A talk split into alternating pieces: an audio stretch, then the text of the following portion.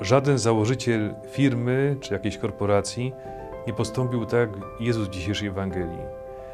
Idzie powoływać swoich pierwszych uczniów, pierwszych pracowników, najbardziej odrzucony zakątek Palestyny. Pamiętamy, kiedy Natanael dowiaduje się, skąd pochodzi Jezus, pyta, co może być dobrego z Nazaretu. Tak traktowano tamte tereny. Wybiera prostych ludzi, rybaków, łowiących ryby, naprawiających sieci. Kościół to nie jest jednak firma czy korporacja. To jest dzieło, którego fundamentem, twórcą i głową jest sam Bóg. Bóg może sobie pozwolić na to, by wybrać to, co kruche, żeby w tym jeszcze bardziej wyraźnie objawić swoją chwałę. Można powołać się na wiele różnych doświadczeń, wiele różnych historii, gdzie właśnie to, co kruche Pan Bóg wybrał, żeby pokazać swoją moc. Przeciekawe jest yy, zgromadzenie Kanosjanów, jeśli chodzi o początki. Moi kochani, powstało w XIX wieku i było tak kruche, że przez 100 lat to zgromadzenie nie liczyło więcej niż trzech członków. Kiedy ktoś wstępował, natychmiast umierał na, następny jeden z członków i zawsze było trzech. 100 lat. Wydawało się, że nie ma żadnych szans, żeby to zgromadzenie się w ogóle mogło rozwinąć. Po 100 latach został jeden członek, ojciec Giovanni. Udał się do patriarchy Wenecji, Pietro La Fontena, y, oddając się do jego dyspozycji, żeby wcielił go do któregoś z instytutów zakonnych istniejących w tamtym czasie we Włoszech, no bo jeden zakonnik nie tworzy zgromadzenia.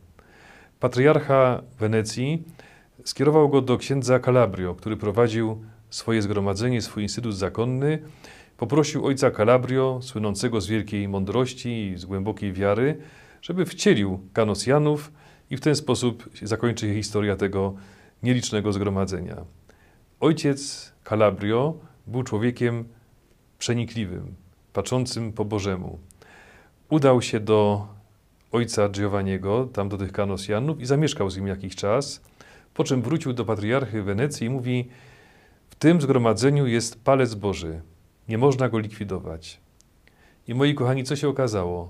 Wkrótce potem do kanosjanów wstępuje uformowany już z wielkim doświadczeniem ojciec duchowny jednego z seminariów duchownych, ksiądz Antonio. Otwiera seminarium duchowne, zgromadzenie zaczyna się prężnie rozwijać i dzisiaj na całym świecie, na wszystkich kontynentach działają ojcowie kanosjanie. W krótkim czasie z tych trzech, a potem z jednego zrobiło się ich 150. Tak działa Pan Bóg. Wybiera to, co kruche. To jest Boża pedagogika, Boże plany. I Pan Bóg potrafi na tym, co kruche, co odrzucone przez świat, budować swoje królestwo. Rozmawiałem z panią Teresą Król, bardzo zaangażowaną w przygotowanie do życia w rodzinie, w rozwój tego przedmiotu w polskich szkołach. Opowiadała, że kiedy nurty liberalne, lewicowe były przy władzy, wyszedł podręcznik zaakceptowany przez ministerstwo. Ja sam go czytałem i przyznam, że byłem w szoku.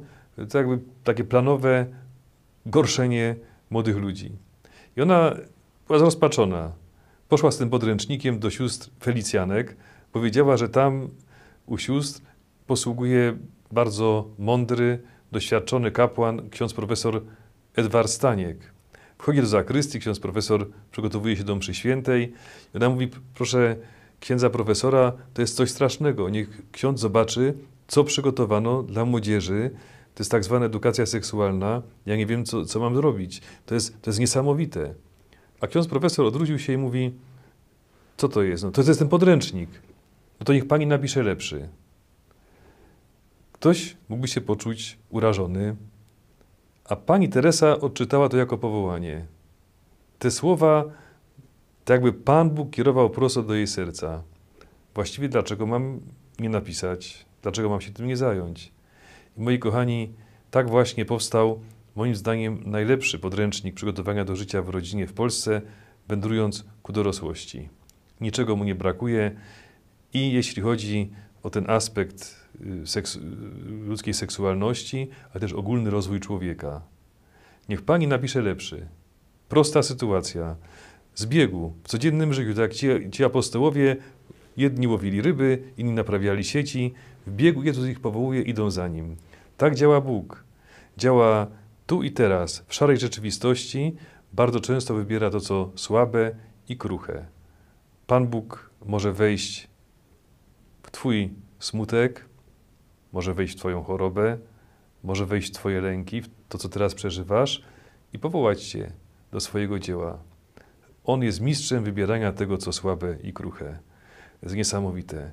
Cieszmy się z tego, że w każdej chwili Pan Bóg może nas powołać. Tylko musimy mieć otwarte oczy, otwarte serce, otwartą duszę, żeby usłyszeć Jego głos. Pan z Wami. Na to wsłuchiwanie się w Boży głos, powołujący nas do wielkich dzieł Bożych, przyjmijmy błogosławieństwo. Niech Was błogosławi Bóg Wszechmogący, Ojciec i Syn i Duch Święty. Moi kochani, bardzo dziękuję za nowe subskrypcje. Subskrypcje, subskrypcje. Moi kochani, bardzo dziękuję za nowe subskrypcje. Nowe subskrypcje to są nowi widzowie, a więc witam wszystkich naszych nowych widzów bardzo, bardzo serdecznie. Dziękuję za wszystkie komentarze. Kiedy mam taki nieraz gorszy dzień, czy jakieś takie czarne myśli nachodzą, wtedy lubię czytać komentarze, które są pod tymi filmami. One są pełne nadziei, dodają siły. Y, no, może nabrać nowej nadziei, nowej energii do, do pracy, do, do posługi. Bardzo, bardzo za to dziękuję. Dziękuję tym, którzy wspierają finansowo nasz kanał. YouTube daje taką możliwość. Pod każdym filmem można nacisnąć przycisk, wesprzeć też nasz kanał, wspierać finansowo. Dzięki temu nasz kanał się może rozwijać, bo to wsparcie finansowe przeznaczamy na promowanie naszego kanału. Zapraszam do wysłuchania najnowszych dopowiedzeń. Muszę powiedzieć, że bardzo mnie wciągnęły. Ksiądz Piotr i ksiądz Mateusz idą dalej poprzez encyklikę Lumen Fidei i dochodzą do Abrahama Izaaka. Y, Izaak wydaje się ofiarą, jest związany przez ojca, ułożony na ołtarzu. Tymczasem, kto tak naprawdę zyskuje tej całej sytuacji? Warto posłuchać, bo możemy się zdziwić.